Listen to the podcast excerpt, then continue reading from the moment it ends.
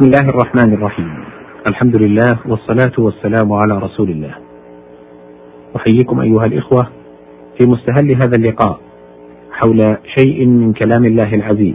نبين ما فيه ونوضحه من خلال ألفاظ العرب الفصحاء في الشعر والنثر وهو ما يسمى عند المتخصصين في علوم القرآن بغريب القرآن.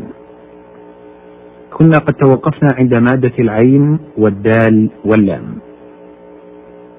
ومن طريف ما يحكى أن الحجاج بن يوسف الثقفي استحضر الحبر سعيد بن جبير تلميذ ابن عباس فقال له ما تقول في؟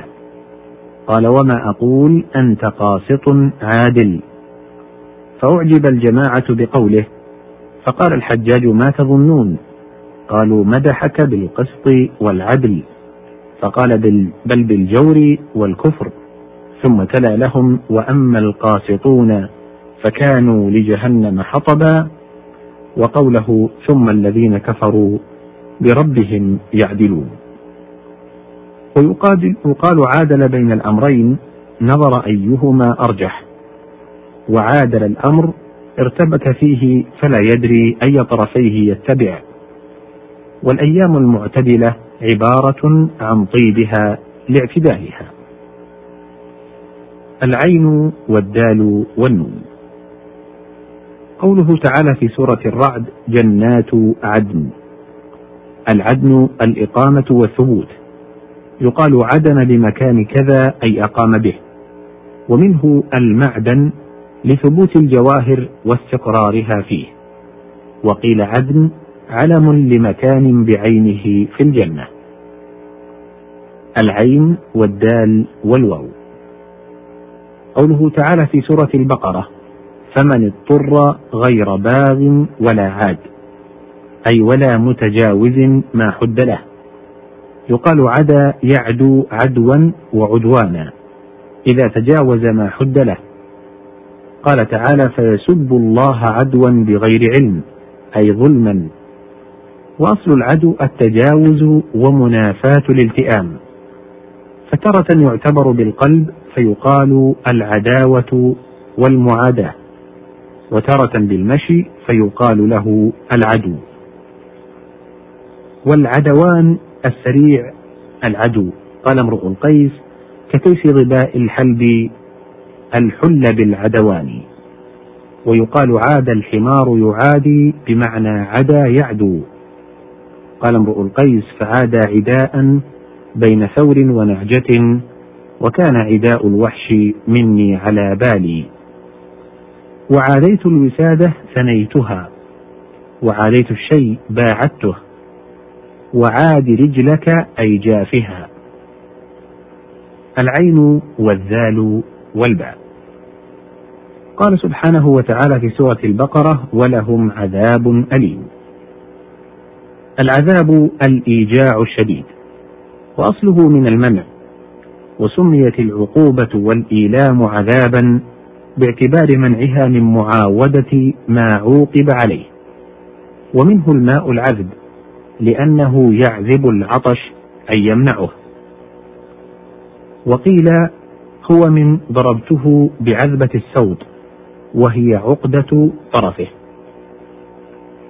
العين والذال والراء. قوله تعالى في سورة التوبة لا تعتذروا. أصل العذر ما يتحراه الإنسان من محو جنايته. يقال عذر وعذر نحو عسر وعسر. ثم العذر قيل على ثلاثة أضرب. أحدها أن يقول لم أفعل. قاله الراغب وفيه نظر لأن أهل العرف لا يعدونه عذرا بل هذا إنكار. والثاني أن يقول فعلت كذا بالاعتراف. والثالث أن يقول فعلت ولا أعود. قال وهذا الثالث هو التوبة. فكل توبة عذر وليس كل عذر توبة. العين والراء والباء.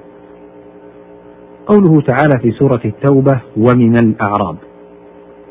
الأعراب سكان البوادي والعرب سكان القرى والبوادي. ومن ثم غلط سيبويه من جعل أعرابا جمعا لعرب لاستحالة كون المفرد أعم من الجمع. والإعراب يطلق بإزاء معان منها البيان ومنه الحديث والأيم تعرب عن نفسها. ومنها التحسين ومنه عربا أترابا أي حسان متحببات إلى أزواجهن. ومنها الفساد ومنه عربت معدة البعير أي فسدت. فالهمزة في الإعراب حينئذ للسلب. فقولهم أعرب كلامه أي بينه أو غيره أو حسنه أو أزال فساده. العين والراء والجيم. قوله تعالى في سورة السجدة ثم يعرج إليه في يوم أي يصعد إليه في المعراج وهو السلم. تقول عرج في السلم يعرج عروجا والجمع معاريج. قوله ذي المعارج قيل معارج الملائكة وقيل أراد بها الفواصل العالية. الواحد معرج وهو الدرجة. والأعرج من أصيبت إحدى رجليه فاختل مشيه. قال تعالى ولا على الأعرج حرج. قوله تعالى كالعرجون القديم العرجون عود الكباسة التي عليها الشماريخ للعفق فإذا قدم تقوس واصفر فمن ثم شبه بالهلال في آخر الشهر وأوله ويقال له الأهاق أيضا. العين والراء والراء. قوله تعالى في سورة الحج وأطعموا القانع والمعتر. المعتر المتعرض للسؤال. يقال عر واعتر أي تعرض. وعررت لك حاجتي. والعر والعر الجرب الذي يعر البدن أي يعترضه. ومنه قيل للمضرة معرة تشبيها بالعر الذي هو الجرب. وقيل المعتر الذي يتعرض ولا يسأل. يقال اعتره يعتره واعتراه يعتريه. والقانع من برز وجهه للمسألة. ومنه قيل اعتررته أي أتيته أطلب منه معروفة. قوله تعالى فتصيبكم منهم معرة أي مسبة ومذمة. وذلك أنهم لو قاتلوا أهل مكة وفيهم من المؤمنين والمؤمنات من لم يتميز عند قتال الكفرة لأصابوا أولئك المؤمنين من غير علم بهم. فيقال فيهم إنهم قد قتلوا المسلمين من أهل ملتهم فيلزمهم من ذلك مذمة من القوم وديات المقتولين. هنا ينتهي وقت هذه الحلقة، وقد بقي في هذه المادة بقية، ونعد بإتمامها إن أمد الله في العمر. أشكر لكم طيب استماعكم، وأشكر للزميل طلال الخطيب من الهندسة الصوتية والسلام عليكم ورحمة الله وبركاته.